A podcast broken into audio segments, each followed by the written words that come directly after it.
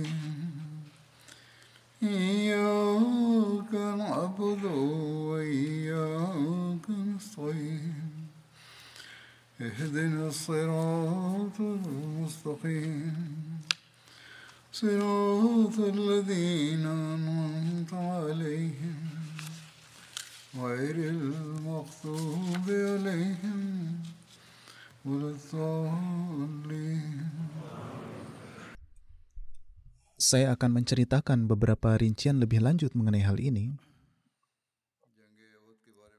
Seperti disebutkan, musuh menyebarkan berita bahwa Nabi Shallallahu Alaihi Wasallam telah disyahidkan.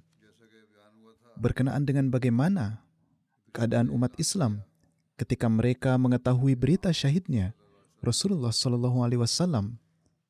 Rincian mengenai hal ini adalah sebagai berikut. Ketika Ibnu Kamiyah beranggapan bahwa ia telah mensyahidkan Nabi Shallallahu Alaihi Wasallam, ia mengumumkan bahwa Muhammad Shallallahu Alaihi Wasallam telah syahid.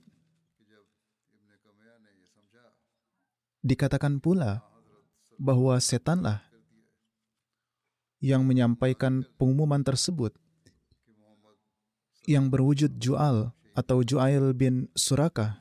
Ju'al adalah seorang muslim awalien dan termasuk di antara golongan ahli sufah. Dan Rasulullah Shallallahu Alaihi Wasallam kelak mengubah namanya menjadi Umar pada saat pertempuran Khandak. Alhasil, ketika orang-orang mendengar ini, mereka bergegas menuju Jual untuk membunuhnya. Namun, Jual mengatakan tidak ada sangkut pautnya dengan pengumuman tersebut dan menyatakan bahwa ia tidak membuat pengumuman apa pun. Khawat bin Zubair dan Abu Burdah bersaksi bahwa ketika mereka mendengar pengumuman tersebut, Jual sedang berperang di samping mereka. Mereka bersaksi bahwa Jual tengah ada bersama mereka dan berperang bersama mereka. Dikatakan pula bahwa yang menyampaikan pengumuman ini adalah Azabul Akabah. Ia mengumumkan tiga kali bahwa Nabi Wasallam telah syahid. Ada beberapa riwayat mengenai siapa yang membuat pengumuman tersebut ada kemungkinan bahwa beragam orang menyaksikan keadaan yang berbeda, dan banyak orang yang menyampaikan pengumuman tersebut, yakni Ibnu Kamiyah, Iblis, dan Azabul Akabah. Ada juga kemungkinan bahwa ada orang berfitrat setan yang membuat berita tersebut. Ketika berita ini menyebar, beberapa umat Islam berkata, karena Nabi Shallallahu Alaihi Wasallam telah wafat, kalian semua harus kembali ke suku kalian, karena mereka akan memberi kalian perlindungan. Mendengar hal ini, sebagian yang lain berkata, jika Nabi Shallallahu Alaihi Wasallam syahid, apakah kalian tidak akan berjuang demi agama kalian dan demi risalah Rasulullah Wasallam hingga kalian kelak menemui Tuhanmu sebagai syahid? Hazrat Sabit bin Dahdah berkata kepada golongan Ansar, Wahai golongan Ansar, sekalipun Muhammad Shallallahu Alaihi Wasallam telah syahid, Allah Taala masih hidup dan kematian tidak dapat menimpanya. Berjuanglah demi agamamu, niscaya Allah Taala akan memberimu kemenangan dan keberhasilan. Mendengar hal ini, sekelompok Ansar bangkit dan melancarkan serangan bersama Hazrat Sabit terhadap pasukan musyrik yang di dalamnya terdapat Khalid bin Walid, Ikrimah bin Abu Jahal, Amr bin Al-As, dan Zirar bin Al-Hattab. Melihat sekelompok kecil umat Islam melancarkan serangan, Khalid bin Walid melancarkan serangan balik yang hebat terhadap mereka dan mensyahidkan Sabit bin Dadah dan para rekan ansarinya. Sehubungan dengan keadaan yang menyedihkan ini, Hazrat Mirza Basir Ahmad Sahib menulis hal berikut dalam buku Sirat Khatamun Nabiyyin. Saat itu, umat Islam terbagi menjadi tiga kelompok. Satu kelompok adalah orang-orang yang melarikan diri dari medan pertempuran setelah mendengar berita bahwa Nabi Shallallahu Alaihi Wasallam telah syahid. Namun kelompok ini adalah yang terkecil dari semuanya. Di antaranya termasuk Hazrat Utsman bin Affan juga. Namun, sebagaimana disebutkan dalam Al-Quran, dengan mempertimbangkan keadaan khusus pada saat itu dan keimanan serta ketulusan yang dimiliki oleh orang-orang ini, Allah Ta'ala telah mengampuni mereka. Di antara orang-orang ini, beberapa bahkan telah sampai di Madinah. Dan dengan cara ini, berita tentang syahidnya Rasulullah SAW dan kekalahan tentara Muslim berhasil sampai di Madinah juga. Ratapan tangis berlangsung di Madinah, dan kaum Muslim baik laki-laki maupun perempuan, baik tua maupun muda, semua keluar kota dengan perasaan sangat cemas dan bergerak menuju Uhud. Ada pula yang bergegas ke medan pertempuran dan terjun ke barisan musuh seraya menyebut nama Allah. Yakni mereka pun ikut berperang. Kelompok kedua terdiri dari orang-orang yang belum melarikan diri, namun setelah mendengar berita syahidnya Rasulullah SAW, mereka kehilangan tekad atau merasa tidak ada gunanya untuk berperang. Oleh karena itu, mereka pindah ke satu sisi medan perang dan duduk dengan kepala tertunduk. Kelompok ketiga adalah mereka yang terus berjuang tanpa henti. Beberapa di antara mereka terdiri dari orang-orang yang berkumpul di sekitar Rasulullah SAW dan menunjukkan kehebatan yang belum pernah terjadi sebelumnya dan sebagian besar dari mereka bertempur di medan perang yang tersebar satu sama lain ketika orang-orang ini dan kelompok kedua mengetahui bahwa Nabi Shallallahu Alaihi Wasallam masih hidup. Orang-orang ini terus berperang dan mendekat ke sekitar Rasulullah Shallallahu Alaihi Wasallam, seperti halnya orang-orang yang tergila-gila. Keadaan perang pada saat itu sedemikian rupa sehingga pasukan Quraisy bergerak maju dari keempat lini depan, bagaikan gelombang laut yang ganas. Hujan panah dan batu menimpa mereka di medan perang dari segala arah.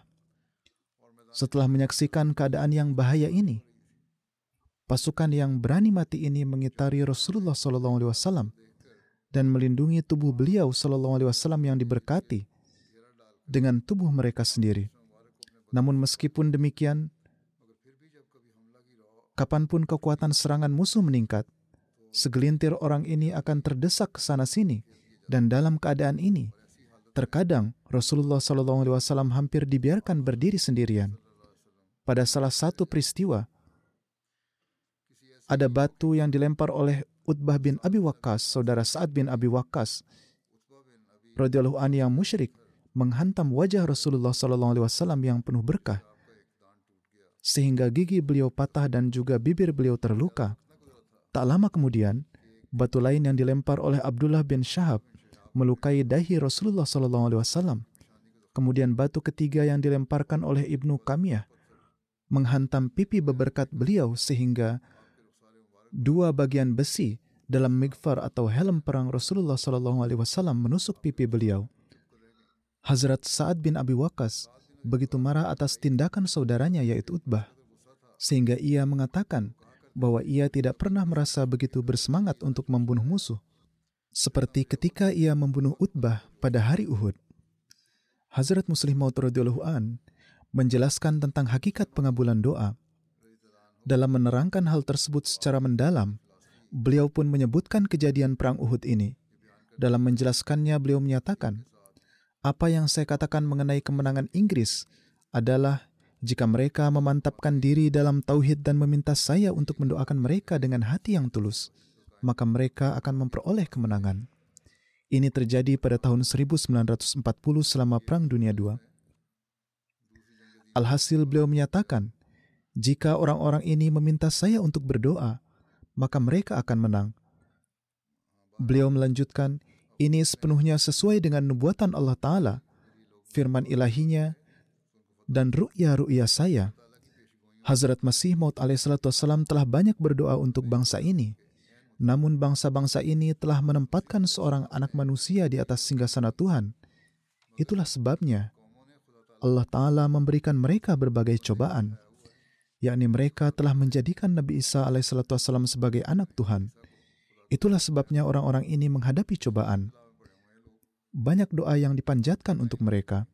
Kemudian beliau menyebutkan jemaat Lahori bahwa jika mereka ingin mengingkari hal ini, maka terserah mereka untuk mengingkari itu berarti mereka memegang ajaran yang bertentangan dengan apa yang dinyatakan oleh Hazrat Muslim Maud.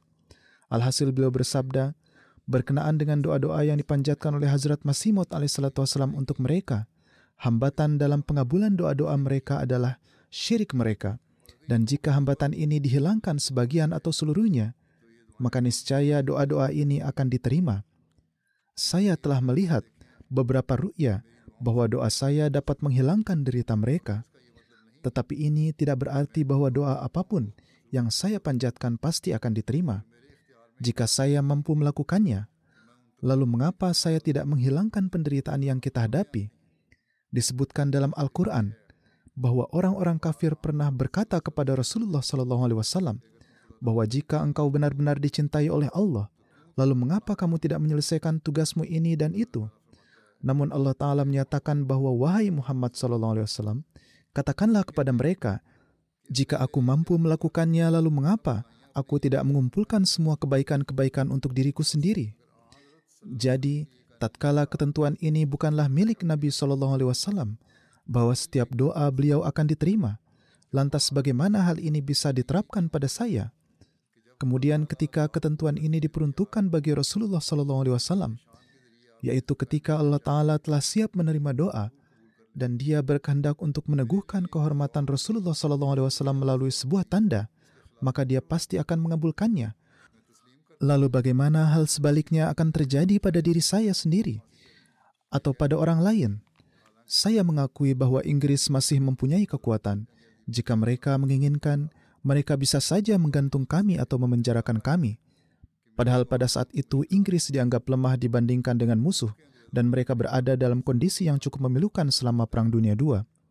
Meskipun demikian, saya menyatakan bahwa penderitaan mereka dapat dihilangkan melalui doa saya karena kekuasaan yang mereka miliki atas hidup kita berada di bawah hukum yang berbeda dan pengabulan doa diatur oleh hukum yang berbeda. Dulu Raja Persia bermaksud untuk menangkap Rasulullah SAW, namun yang akan menangkap beliau belum juga tiba dan hanya utusan dari gubernur Yaman yang membawa pesan tersebut di mana Rasulullah SAW menyatakan kepadanya, Pergilah dan beritahulah Tuanmu bahwa kami tidak akan datang, Tuhan kami telah membunuh Tuhanmu. Allah Ta'ala telah menggerakkan putra Raja Persia di mana dia pun membunuh ayahnya sendiri. Tetapi lihatlah bahwa selama Perang Uhud, musuh menyerang Nabi SAW, melemparkan batu, mematahkan gigi beliau, dan hendak menghancurkan beliau. Kepala beliau terluka paku helm menancap di wajah beliau sehingga beliau menjadi tidak sadarkan diri dan terjatuh. Setelah itu beberapa sahabat jatuh menimpa beliau. Karena hal ini, beberapa sahabat mengira bahwa beliau telah syahid. Sekarang ada yang mungkin bertanya, jika Allah Ta'ala begitu memuliakan Nabi SAW sehingga beliau menyebabkan Raja Persia yang tinggal jauh itu terbunuh, lalu mengapa beliau membiarkan orang-orang kafir melempari Rasulullah SAW dengan batu pada medan perang Uhud? Tuduhan seperti itu tidaklah benar. Inilah kebijaksanaan dan hikmat dari Allah Ta'ala. Inilah termasuk dalam rahasia-rahasianya. Terkadang Tuhan mencengkeram seseorang karena perkara sepele, dan terkadang sesuai dengan apa yang dia anggap bijaksana, dia memberikan keringanan hukuman agar seseorang menyadari ketidakberdayaan dan kekosongannya. Bagaimanapun, peristiwa Uhud ini pun dijelaskan.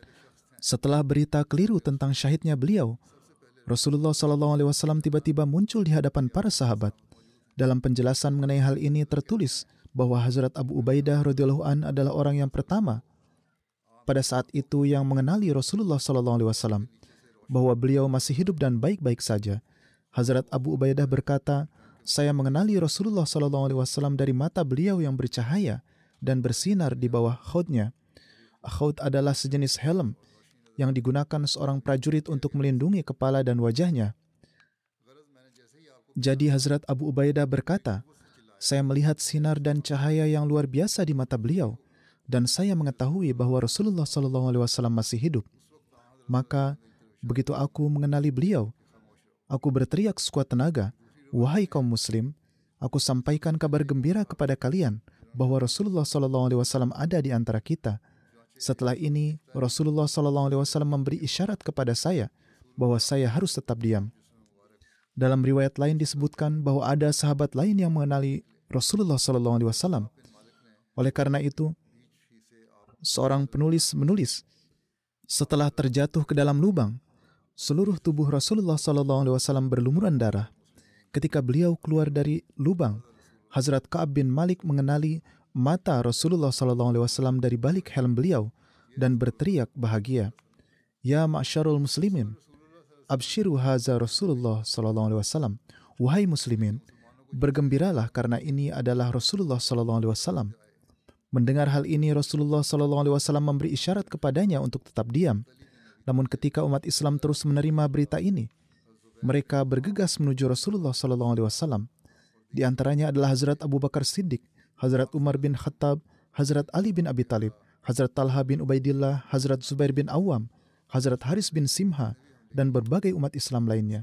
Rasulullah Shallallahu Alaihi Wasallam bersama para sahabatnya berlindung di sebuah lembah di Gunung Uhud.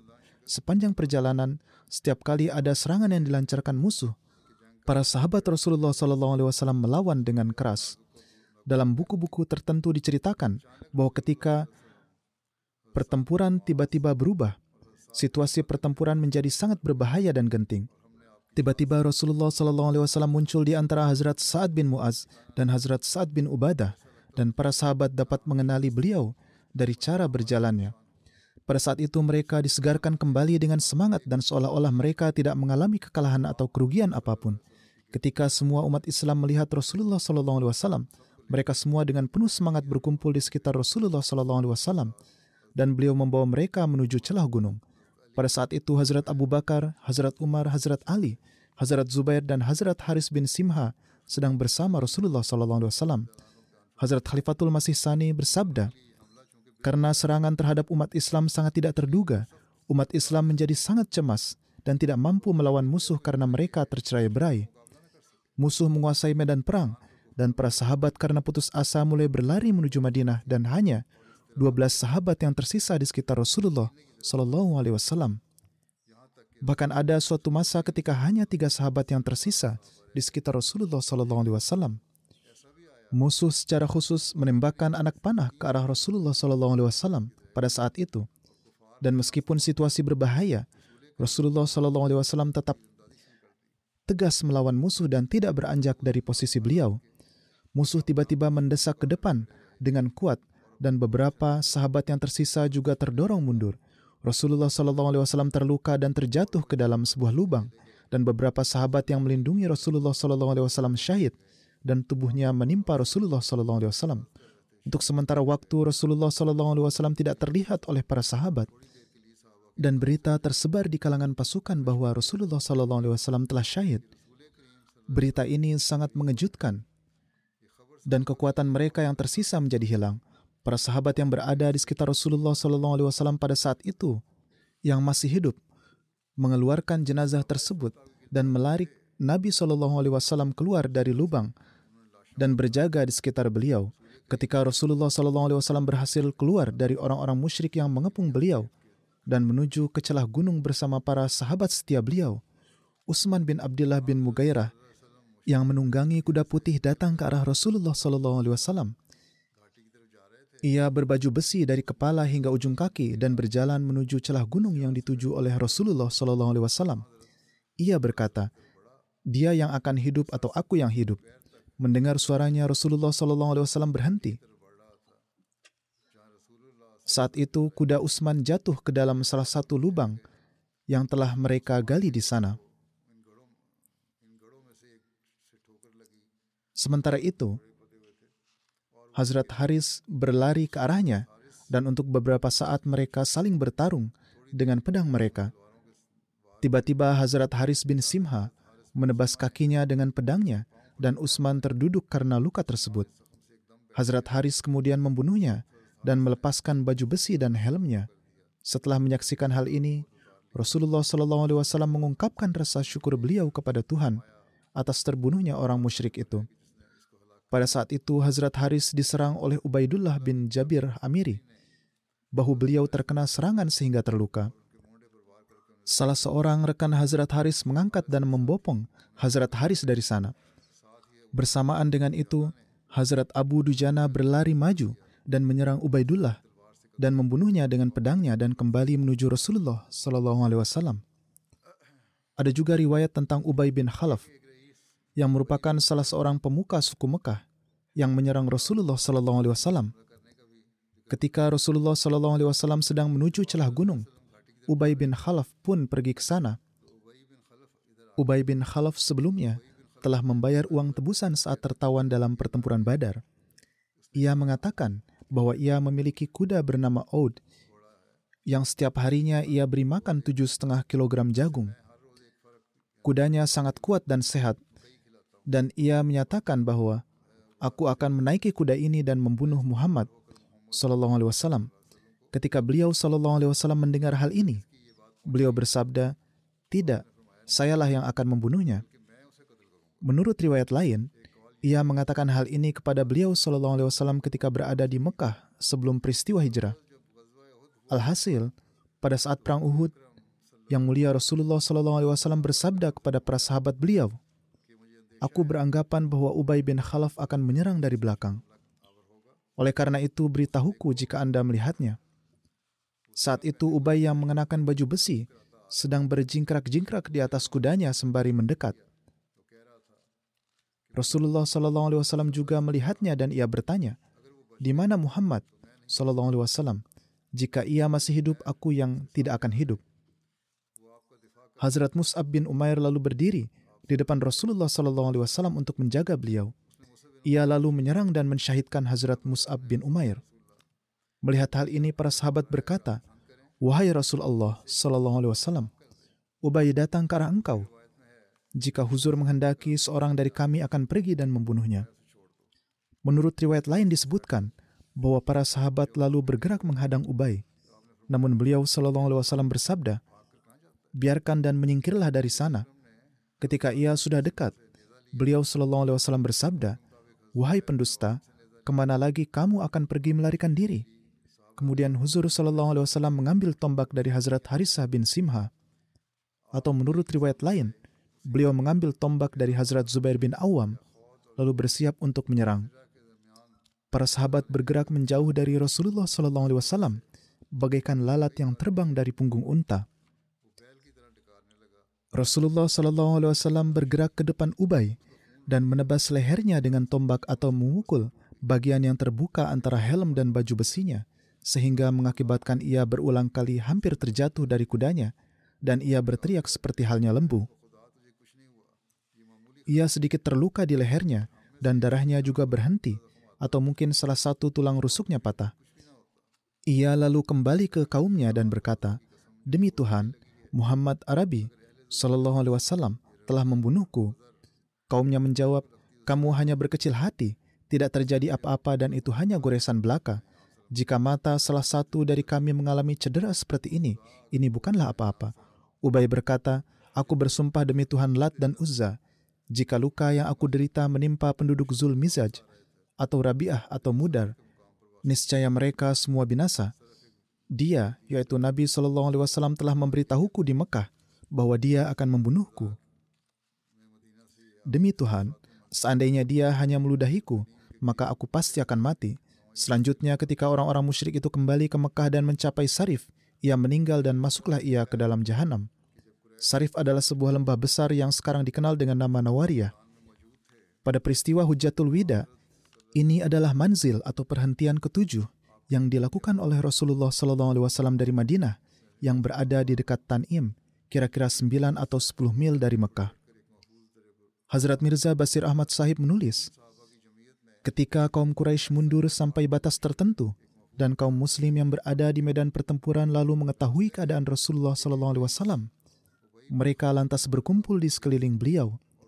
Bersama para sahabat ini, Rasulullah sallallahu alaihi wasallam perlahan-lahan mulai naik ke atas gunung dan mencapai celah gunung yang aman. Di tengah perjalanan, Ubay bin Khalaf seorang pemimpin Mekah melihat beliau Shallallahu Alaihi Wasallam. Karena dibutakan oleh permusuhan dan kedengkian, ia pun berlari ke arah beliau, Sallallahu Alaihi Wasallam sambil meneriakkan kata-kata, La najauta in naja.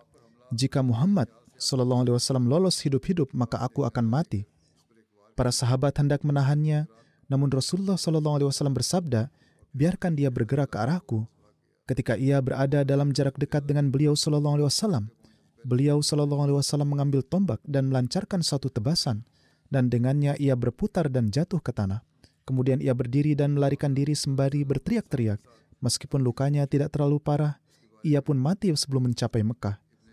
Alhasil Rasulullah Shallallahu Alaihi Wasallam bersama para sahabat beliau pun tiba di celah gunung. Sehubungan dengan peristiwa ini, Ibnu Ishaq menyatakan, setelah tersebarnya berita bohong bahwa Rasulullah Wasallam telah disyahidkan dan kaum Muslim pun tercerai berai, orang pertama yang melihat beliau Wasallam adalah Hazrat Kaab bin Malik. Hazrat Kaab meriwayatkan, saya melihat mata Rasulullah Wasallam yang penuh cahaya di antara celah helm beliau dan dengan lantang berseru, wahai umat Islam, bergembiralah karena Rasulullah Shallallahu Alaihi Wasallam ada di sini. Mendengar hal ini, beliau Shallallahu Alaihi Wasallam memberi isyarat dengan tangan beliau untuk tetap diam. Ketika kaum Muslim mengenali wujud Rasulullah Shallallahu Alaihi Wasallam, mereka lalu bergerak menuju ke celah gunung bersama beliau Shallallahu Alaihi Wasallam. Bersama beliau Shallallahu Alaihi Wasallam ada Hazrat Abu Bakar Siddiq, Hazrat Umar, Hazrat Ali, Hazrat Talha bin Ubaidillah, Hazrat Zubair bin Al-Awwam, Hazrat Haris bin Simha, dan berbagai sahabat lainnya Tatkala Rasulullah Sallallahu Alaihi Wasallam dan para sahabat sedang duduk di bebatuan celah gunung, tiba-tiba sekelompok orang Quraisy sampai ke atas gunung. Khalid bin Walid termasuk di dalamnya. Mereka melihat musuh di atas mereka. Rasulullah Sallallahu Alaihi Wasallam berdoa, Allahumma innahu la yambagi lahum in ya'launaha. Allahumma la quwwata lana illa bika. Wahai Allah, janganlah biarkan mereka menang atas kami. Wahai Allah, kami tidaklah mempunyai kekuatan apa pun kecuali bersamamu. Segera Hazrat Umar Faruk bersama sekelompok muhajirin maju melawan mereka dan memukul mundur mereka sehingga akibatnya mereka terpaksa turun dari gunung. Telah disebutkan dalam kitab Sirat Khatamun Nabiyyin sebagai berikut. Ketika Rasulullah SAW tiba di celah gunung, ada satu regu pasukan Quraisy yang dipimpin oleh Khalid bin Walid berusaha untuk menaiki gunung dan melancarkan serangan. Namun atas perintah Rasulullah SAW, Hazrat Umar bersama beberapa muhajirin menghadapi mereka dan memukul mundur mereka. Terkait peristiwa ini ada juga sebuah riwayat yang tertera dalam salah satu rujukan sejarah yaitu Hazrat Zubair menyatakan pada hari perang Uhud Rasulullah SAW mengenakan dua zirah. Beliau SAW hendak menaiki gunung, namun karena beratnya zirah tersebut dan juga beliau telah menderita kelelahan karena kehilangan banyak darah akibat luka di kepala dan wajah, maka beliau pun tidak dapat menaikinya. Hazrat Talha berlutut dan Rasulullah Shallallahu Alaihi Wasallam meletakkan kaki beliau di atas pundaknya dan dengan ini beliau menaiki gunung. Hazrat Zubair menerangkan, saat itu saya mendengar Rasulullah Shallallahu Alaihi Wasallam bersabda, Talha telah menjadikan surga wajib atas dirinya. Dalam riwayat lain tertera, Rasulullah Shallallahu Alaihi Wasallam hendak naik ke atas gunung, namun ketika beliau akan naik, darah mengucur dari luka di kepala beliau yang berberkat, dan karena kelelahan, beliau tidak sanggup naik. Selain itu, beliau pun membawa beban dua zirah. Ketika menyaksikan hal ini, Hazrat Talha bin Ubaidillah dengan segera berlutut di depan beliau Sallallahu Alaihi Wasallam dan beliau diangkat ke atas bahu Talha. Pada saat inilah beliau Sallallahu Alaihi Wasallam bersabda, surga wajib bagi Talha karena kebaikannya ini. Seperti telah disebutkan bahwa dalam peperangan ini gigi Rasulullah Sallallahu Alaihi Wasallam yang berberkat pun tanggal. Berkenaan dengan hal ini, Hazrat Aisyah meriwayatkan bahwa Hazrat Abu Bakar radhiyallahu an saat menyebutkan tentang hari perang Uhud beliau bersabda, hari itu adalah milik Talha. Hazrat Abu Bakar kemudian menyebutkan rinciannya sebagai berikut. Saya termasuk orang-orang yang kembali ke dekat Rasulullah Sallallahu Alaihi Wasallam. Ketika saya kembali, saya melihat ada seseorang yang bertempur demi melindungi Rasulullah Sallallahu Alaihi Wasallam.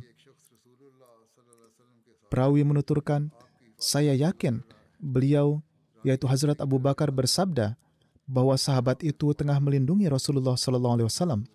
Hazrat Abu Bakar lalu mengatakan, saya berkata pada diri saya sendiri, saya berharap orang itu adalah Talha. Saya kehilangan kesempatan, tapi jauh di lubuk hati, saya berharap jika saja orang ini termasuk dalam suku saya, karena ini akan sangat membahagiakan bagi saya. Inilah yang dipikirkan Hazrat Abu Bakar pada saat itu. Hazrat Abu Bakar radhiyallahu an lebih lanjut menuturkan, ada seseorang di antara saya dan Nabi Shallallahu Alaihi Wasallam yang tidak dapat saya kenali, padahal saya berada lebih dekat dengan Rasulullah Shallallahu Alaihi Wasallam daripada orang itu. Namun ia berlari sangat cepat sehingga saya tidak dapat mengikutinya. Ketika saya mengamati dengan seksama, saya menyadari bahwa itu adalah Hazrat Abu Ubaidah bin Jarrah. Lalu saya tiba di dekat Rasulullah Shallallahu Alaihi Wasallam. Gigi seri bawah beliau saat itu ada dua sahabat di dekat beliau yakni Hazrat Talha dan Hazrat Abu Ubaidah bin Al-Jarrah. Yaitu gigi di antara dua gigi seri depan dan gigi taring beliau patah dan wajah beliau terluka. Beberapa bagian besi helm beliau menancap di pipi beberkat Rasulullah sallallahu alaihi wasallam. Rasulullah sallallahu alaihi wasallam bersabda, "Pergilah kalian berdua untuk memeriksa temanmu." Yang dimaksud oleh beliau sallallahu alaihi wasallam adalah Hazrat Talha karena dia telah kehilangan banyak darah. Saat itu Hazrat Talha telah terluka parah saat berupaya menjaga Rasulullah Sallallahu Alaihi Wasallam. Jadi, alih-alih meminta mereka untuk merawat luka-luka beliau, Rasulullah Sallallahu Alaihi Wasallam malah memerintahkan para sahabat untuk merawat Talha radhiyallahu an. Namun kami meninggalkannya dan saya maju, yakni tidak melihat Hazrat Talha, namun kembali kepada Rasulullah Sallallahu Alaihi Wasallam untuk melepaskan bagian besi helm dari wajah beberkat Rasulullah Sallallahu Alaihi Wasallam. Atas hal ini, Hazrat Abu Ubaidah berkata, saya bersumpah demi Tuhanku, mohon serahkan tugas ini padaku. Oleh karena itu, saya serahkan ini pada Abu Ubaidah atas permintaan Abu Ubaidah untuk mencabut besi-besi itu. Hazrat Abu Bakar pun menyingkir. Hazrat Abu Ubaidah tidak ingin mencabut besi-besi itu dengan tangannya karena akan menyebabkan rasa sakit pada diri Rasulullah SAW. Jadi ia mencoba mencabut besi itu dengan giginya Ketika ia mencabut satu besi, gigi depannya sendiri pun tanggal. Saya melangkah maju untuk melepaskan besi lainnya dengan cara yang ia lakukan. Hazrat Abu Bakar menuturkan, saya berkata kepadanya bahwa saya akan mencoba untuk mengambil besi lain yang menancap. Namun Hazrat Abu Ubaidah berkata lagi, saya bersumpah demi Tuhanku, mohon tinggalkan tugas ini juga untukku. Ia mengatakan hal ini kepada Hazrat Abu Bakar sehingga Hazrat Abu Bakar pun kembali menyingkir dan Hazrat Abu Ubaidah melakukan hal yang sama seperti sebelumnya. Ketika ia mencabut besi kedua, gigi seri depannya yang lain juga patah. Gigi bagian depan Hazrat Abu Ubaidah radhiyallahu an adalah yang paling indah di antara semua orang. Hazrat Abu Bakar kerap menyebutkan hal ini. Kemudian setelah merawat luka-luka Rasulullah sallallahu alaihi wasallam, kami pergi menemui Talha yang berada di dalam suatu lubang. Kami melihat di tubuh beliau terdapat hampir 70 luka akibat pedang, tombak, dan panah dan salah satu jari beliau pun telah putus. Kami mengobati lukanya dan mengoleskan ramuan salep. Selain Hazrat Abu Ubaidah, ada riwayat yang menyatakan bahwa besi-besi helm perang Nabi SAW itu dicabut oleh Hazrat Uqbah bin Wahab dan Hazrat Abu Bakar radhiyallahu an. Namun riwayat pertama tampak lebih otentik. Abu Said Khudri meriwayatkan, ketika kedua besi helm yang menancap itu dilepas dari wajah beberkat Rasulullah SAW, darah mulai mengalir seolah-olah air meluap dari kantong berisi air. Malik bin Sinan mulai menghisap darah tersebut dengan menggunakan mulutnya. Rasulullah Shallallahu Alaihi Wasallam bersabda, "Apakah kamu meminum darah?" Ia menjawab, "Ya." Rasulullah Shallallahu Alaihi Wasallam kemudian bersabda, "Api diharamkan bagi orang yang darahnya menyentuh darahku." Ini adalah riwayat dari Subulul Huda war Rashad namun nampaknya riwayat ini dan riwayat-riwayat lainnya masih patut diperdebatkan dan meragukan. Alhasil, hanya Allah yang maha mengetahui. Karena jika seseorang mencoba menghentikan aliran darah dengan cara seperti ini, alih-alih menghentikan darahnya, aliran darahnya malah akan bertambah dan keadaan orang itu akan menjadi lebih lemah. Meskipun demikian, kita akan menemukan jawabannya dalam riwayat berikutnya. Oleh karena itu, saya merasa riwayat ini tidak sikah atau kuat. Hazrat Sahal bin Sa'ad meriwayatkan dalam sebuah hadis di Sahih Bukhari sehubungan dengan luka yang diderita Rasulullah Sallallahu Alaihi Wasallam dalam perang Uhud. Beliau ditanya tentang hal ini dan beliau menjawab, Anda bertanya kepadaku tentang hal ini. Demi Allah, aku ingat betul siapa yang membersihkan luka-luka Rasulullah Sallallahu Alaihi Wasallam. yakni beliau dapat mengingat seluruh kejadian dengan jelas siapa yang menuangkan air dan ramuan obat apa yang diberikan. Hazrat Sahal bersabda, Hazrat Fatimah radhiyallahu anha putri Rasulullah sallallahu alaihi wasallam lah yang membersihkan luka beliau, sementara Hazrat Ali menuangkan air menggunakan perisainya. Ketika Hazrat Fatimah melihat bahwa air menyebabkan lebih banyak darah yang keluar, beliau mengambil sepotong karung, membakarnya dan mengoleskannya pada luka. Setelah itu darah beliau berhenti. Pada hari itu gigi depan beliau patah, wajah beliau terluka, dan besi helm beliau patah menancap di kepala beliau. Di sini disebutkan tentang menghentikan pendarahan dan membersihkan luka. Tidak ada yang menyebutkan tentang meminum darah. Riwayat dari Sahih Bukhari ini adalah lebih benar. Ketika Rasulullah Wasallam sampai di tepi celah gunung, Ali bin Abi Thalib radhiyallahu an mengisi perisainya dengan air dari miras dan membawanya kepada Rasulullah Shallallahu Alaihi. Miras adalah cekungan-cekungan kecil dan besar di Gunung Uhud yang berfungsi menampung air hujan. Cekungan-cekungan tersebut dinamakan miras. Demikian tertulis mengenai arti dari miras. Tempat ini dekat dengan tempat Hazrat Hamzah radhiyallahu an disyahidkan. Hazrat Ali membawa air agar beliau sallallahu alaihi wasallam dapat meminumnya. Tetapi karena baunya yang buruk, beliau sallallahu alaihi wasallam tidak meminumnya. Beliau sallallahu alaihi wasallam mencuci darah dari wajah beliau dan membasuh kepala beliau dengan air itu. Kemudian beliau sallallahu alaihi wasallam bersabda, Allah sangat murka terhadap orang yang melukai wajah Rasulnya. Muhammad bin Maslamah pergi meminta air kepada para wanita, namun mereka tidak mempunyai air. Rasulullah Shallallahu Alaihi Wasallam sangat kehausan, maka Muhammad bin Maslamah pergi ke sebuah mata air dan mengambil air segar dari sana. Rasulullah Shallallahu Alaihi Wasallam meminum air itu dan mendoakan kebaikan bagi beliau. Diriwayatkan dalam Tabrani dari Sahal bin Sa'ad bahwa wajah Rasulullah Shallallahu Alaihi Wasallam yang dipenuhi nur terluka pada hari Uhud gigi beberkat beliau patah, dan helm perang yang beliau pakai di kepala beliau yang beberkat patah. Ketika orang-orang musyrik pergi, datanglah para wanita kepada para sahabat. Di antara mereka ada juga Hazrat Fatimah radhiyallahu anha. Ketika beliau bertemu dengan Rasulullah sallallahu alaihi wasallam, ia memeluk beliau dan membasuh luka-lukanya. Sementara Hazrat Ali radhiyallahu an mengucurkan air dari perisainya. Tetapi darah mengalir dengan deras. Maka Hazrat Fatimah membakar pelepah kering hingga menjadi abu dan menggunakannya untuk menutup luka hingga menyatu dengan luka dan pendarahan beliau pun terhenti. Darah menetes dari wajah beberkat Rasulullah Wasallam. Beliau menyekat darah dan bersabda, "Kaifa yuflihu kauman syajju nabiyahum wa kasaru rawayatahum wa huwa yad'uhum ilallah."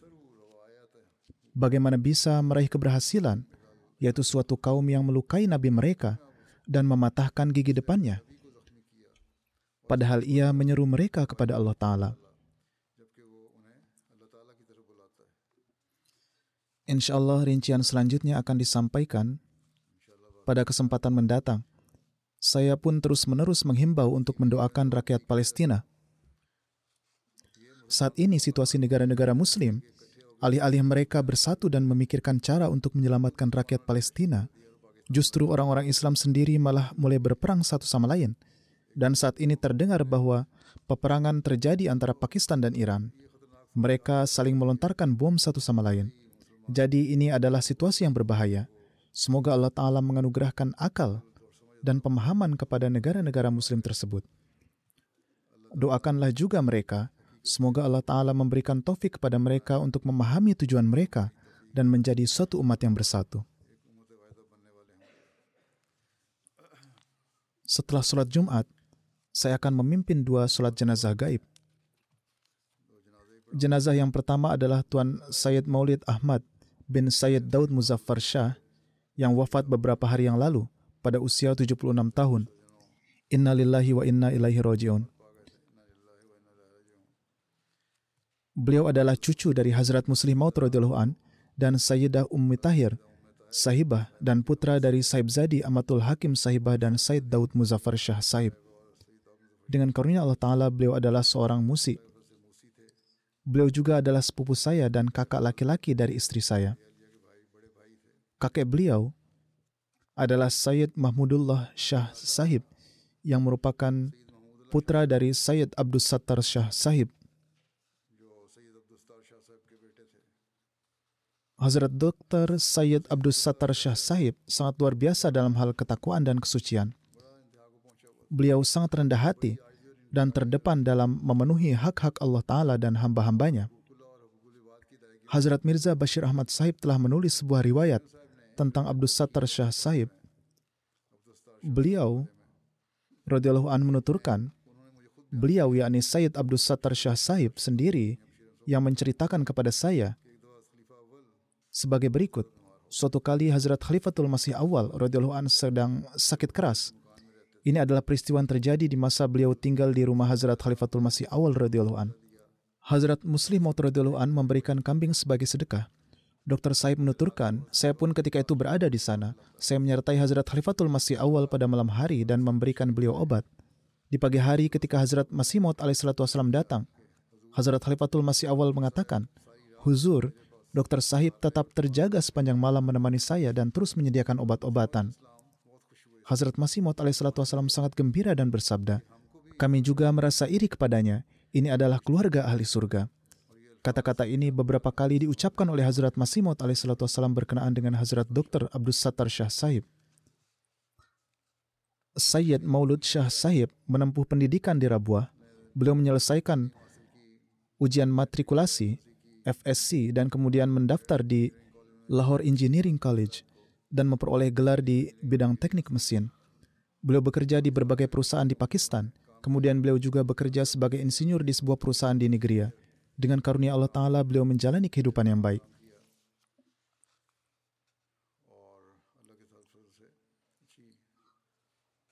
Pernikahan beliau dibacakan oleh Hazrat Khalifatul Masih Salis rahimahullah. Dalam khutbah beliau, Hazrat Khalifatul Masih Salih rahimahullah ta'ala bersabda bahwa hubungan dalam sebuah pernikahan ibarat mencangkok pohon yang harus dirawat dengan sangat hati-hati sejak awal. Saya membacakan beberapa khutbah nikah yang sudah lama ini karena orang-orang bertanya bagaimana mereka dapat menjaga hubungan mereka dengan baik dan ini adalah petunjuk yang harus senantiasa kita ingat. Inilah sebabnya terkadang saya menyebutkan petunjuk-petunjuk para khalifah sebelumnya dalam khutbah saya. Alhasil, Hazrat Khalifatul Masih Salis rahimahullah bersabda, hubungan dalam sebuah pernikahan harus dirawat dengan hati-hati sejak awal. Menurut petunjuk Al-Quran, cangkokan ini harus diikat dengan untayan kaule sadid atau perkataan yang jujur. Dengan kata lain, hal itu harus diikat dengan tali kejujuran yang sempurna dan dengan cara inilah hubungan dapat dilindungi. Tanggung jawab ini tidak hanya terletak pada suami dan istri saja, tetapi juga pada keluarga mereka – lingkungan sekitar, bahkan teman-teman mereka, karena banyak adat kebiasaan yang timbul sebagai akibat dari prasangka buruk, ketidaksabaran, dan kemarahan. Kejujuran adalah tali yang sangat kuat dalam mencegah hal tersebut.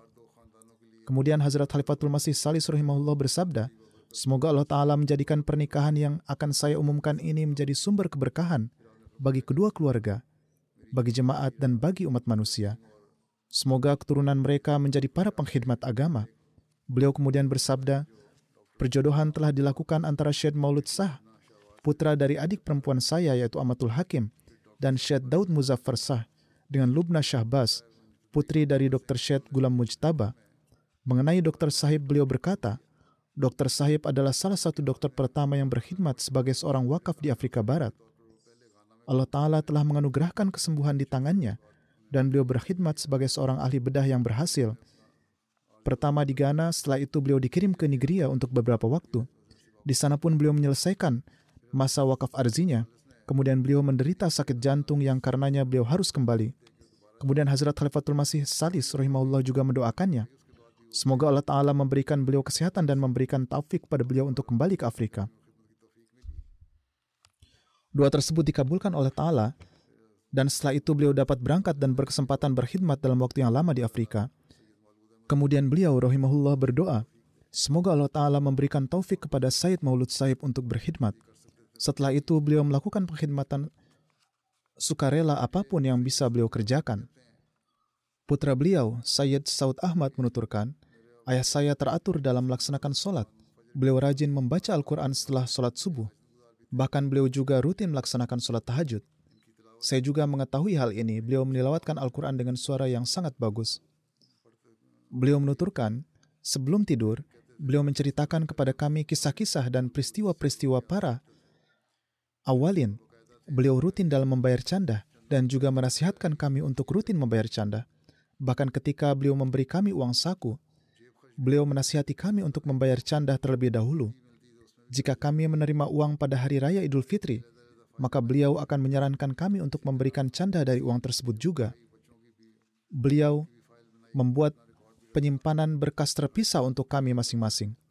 Demikian pula ketika anak-anaknya bergabung dengan gerakan Al-Wasiat, beliau juga mencatat hal tersebut dalam arsip dan memastikan bahwa semua canda telah dilunasi. Selain puasa Ramadan, beliau juga berpuasa di bulan Syawal. Beliau biasa menghatamkan Al-Quran dua kali dan berusaha untuk menghatamkan ketiga kalinya selama bulan Ramadan. Lebih lanjut, putranya menulis bahwa beliau adalah sosok yang terbuka dan terus terang. Beliau juga sangat pandai bergaul. Baik kepada orang yang telah beliau kenal atau baru kenal, beliau selalu menjaga kontak dengan mereka dan selalu mencari alasan untuk menanyakan kabarnya. Beliau memperlakukan semua orang dengan baik, yaitu tua maupun muda. Beliau tidak pernah mempunyai niat jahat kepada siapa pun. Beliau tidak pernah memendam prasangka apa pun. Tidak peduli betapa buruknya perlakuan orang lain, beliau selalu menunjukkan akhlak yang baik sebagai tanggapannya. Jika seseorang bersikap sangat buruk, beliau biasa mendatangi mereka untuk dapat menjalin hubungan dengan mereka. Ini bukanlah sesuatu yang hanya disebutkan oleh putranya. Saya sendiri telah menyaksikan bahwa beliau benar-benar memiliki sifat-sifat istimewa ini. Saya telah menyaksikan hal ini, dan banyak dari mereka yang mengenal beliau dan menyampaikan bela sungkawa juga melus ini, dan mengatakan bahwa beliau memiliki sifat-sifat istimewa ini. Putranya lebih lanjut menulis, suatu ketika Hazrat Muslim Maud an bepergian ke luar negeri dan membawakan mainan untuknya sebagai hadiah. Beliau membukanya dan menghancurkannya. Hazrat Muslim Maud an berkata kepadanya, saya membawakan hadiah untukmu dan kamu telah memecahkannya menjadi beberapa bagian. Sebagai tanggapan, beliau berkata, saya akan memperbaikinya sekarang. Dan beliau benar-benar memperbaikinya di hadapan Hazrat Muslim Maud an. Hazrat Muslim Maud kemudian berkata kepada ibu beliau bahwa beliau harus menjadikannya seorang insinyur. Kata-kata Hazrat Muslim Maud ini terpenuhi. Beliau kemudian menjadi seorang insinyur yang hebat. Ada beberapa nasihat yang sangat berguna dari Hazrat Muslim Maud an yang akan saya sampaikan kepada Anda. Suatu ketika Hazrat Muslim Maud an sedang mengunjungi lahan pertaniannya di Sin. Beliau almarhum juga hadir di sana pada hari-hari itu. Beliau bersama ayahnya dalam rombongan Hazrat Muslim an berkeliling dan memeriksa tanah tersebut. Mungkin saat itu sedang musim mangga dan sedang berbuah. Orang yang bertugas mengurus kebun memetik buah-buah itu dan meletakkan di bawah. Tanah itu dikontrakkan kepada mereka sehingga dengan demikian buahnya pun menjadi milik mereka. Beberapa jenis tertentu biasanya diambil darinya sebagai hak pemilik tanah. Bagaimanapun, kontraktor sudah memetik buahnya dan meletakkannya. Saat itu Said Malut masih kecil dan mengambil buah mangga dari tumpukan itu. Hazrat Muslim an berkata kepadanya, Pergi lagi dan kembalikanlah buah itu. Ini bukan milikmu lagi, melainkan milik pengurus kebun. Ini adalah cara Hazrat Muslim an memastikan terbiat untuk mereka. Bisa saja beliau mengatakan bahwa mangga tersebut akan diambil dari bagian yang akan mereka terima dan tidak ada masalah, namun sebaliknya, beliau membesarkan cucu beliau dengan cara seperti ini. Kemudian putri Said Maulud, Maria menuturkan, beliau sering menilawatkan Al-Quran serta membaca ruhani hazain dan malfuzat. Saya juga mengetahui bahwa beliau biasa membaca tafsir kabir dan memiliki pengetahuan yang sangat mendalam tentangnya. Beliau tidak memperlihatkan ilmu beliau kepada orang lain, namun jika seseorang bertanya atau mengangkat suatu masalah, beliau akan memberikan rujukan yang sangat bagus sebagai jawabannya. Orang lain juga telah menulis kepada saya tentang hal ini. Begitu kami bertanya tentang masalah agama atau hal lain, beliau akan memberikan jawaban yang sangat bagus. Beliau selalu menanamkan kebiasaan sholat dalam diri kami dan mengatakan, berdoalah dan serahkan urusan ini kepada Allah. Semoga Allah Ta'ala memberikan ampunan dan rahmatnya kepada beliau, menjaga istri dan keturunan beliau dan memberikan taufik kepada mereka untuk dapat meneruskan kebaikan-kebaikan beliau.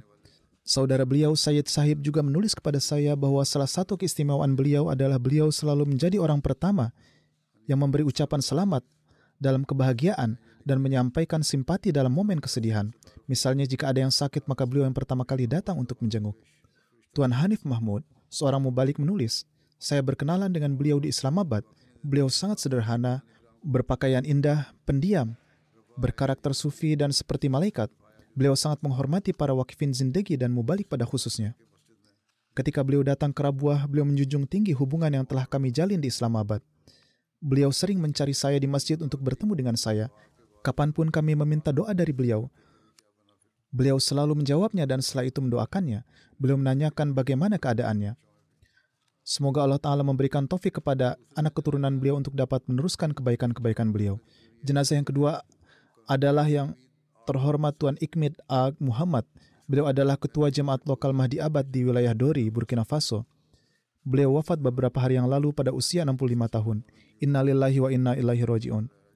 Beliau meninggalkan dua orang istri, sepuluh putra dan lima putri. Mubalik in charge di sana menulis, beliau adalah seorang yang sangat kuat dan sehat. Baru-baru ini saya pergi ke Dori untuk mengunjungi keluarga para syuhada dan beliau sendiri yang menempatkan keluarga-keluarga tersebut di rumah mereka. Jemaat telah membangun rumah baru untuk keluarga para syuhada dan beliau membantu mereka untuk tinggal di sana. Setelah dua hari, beliau kembali ke rumah. Saat itulah beliau pingsan. Beliau menderita serangan jantung parah dan wafat. Pada tahun 1999, beliau mendapat karunia menerima Ahmadiyah.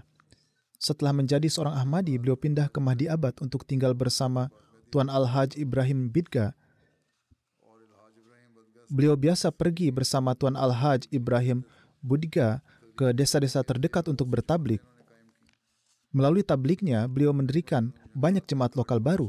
Beliau adalah pegawai pemerintah dan bekerja sebagai penjaga hutan di Kementerian Satwa dan Alam Liar beliau kehilangan pekerjaan karena meningkatnya jumlah teroris yang beroperasi di wilayah tersebut. Saat panen, beliau biasa memisahkan bagian hasil panen yang diperuntukkan bagi zakat dari para anggota. Beliau menghitung semua zakat dan menyerahkannya ke sekretaris mal dan menerima kwitansinya. Beliau juga mendapatkan taufik menjabat sebagai ketua jemaat lokal di Mahdi Abad selama lima tahun. Beliau sangat lembut dan lurus hati. Beliau tidak pernah marah. Saat teroris menyerang Mahdi Abad pada 11 Januari 2023, beliau sudah pulang ke rumah setelah sholat maghrib. Setelah kejadian itu, terjadi ketakutan yang sangat besar di kalangan anggota jemaat. Akibat kesyahidan tersebut, masyarakat pun ikut terguncang. Beliau meyakinkan dan menghibur semua orang. Ketika saya memerintahkan beliau lagi untuk memindahkan penduduk dari Mahdi Abad ke Dori, beliau berupaya melaksanakan hal ini dengan sangat gigih. Beliau menguatkan orang-orang dan menyediakan tempat tinggal untuk mereka. Beliau membuat pengaturan agar semua anggota dipindahkan ke Dori di bawah pengawasannya dan hingga kewafatannya. Beliau mengurus kebutuhan semua keluarga para syuhada. Tuan Rana Faruk, seorang mubalik di Dori, menulis, setiap hari setelah sholat subuh, beliau pergi menyampaikan salam kepada seluruh keluarga para syuhada dan menanyakan keadaan mereka. Jika ada masalah, maka kami akan berusaha untuk menyelesaikannya. Saat ini terdapat sekitar 800 anggota yang terkena dampak di berbagai jemaat lokal di Dori. Beliau memperhatikan kebutuhan mereka semua. Beliau selalu siap mengkhidmati mereka. Beliau sangat teratur dalam melaksanakan sholat dan selalu bekerja sama sepenuhnya dengan nizam jemaat. Beliau juga menasihati orang lain untuk melakukan hal yang sama. Semoga Allah Ta'ala memberikan rahmat dan ampunan kepada beliau Semoga Allah Ta'ala memberikan kesabaran dan kekuatan kepada anak-anak beliau dan kepada orang-orang yang ditinggalkan, dan juga memberikan taufik kepada mereka untuk dapat meneruskan kebaikan-kebaikan beliau.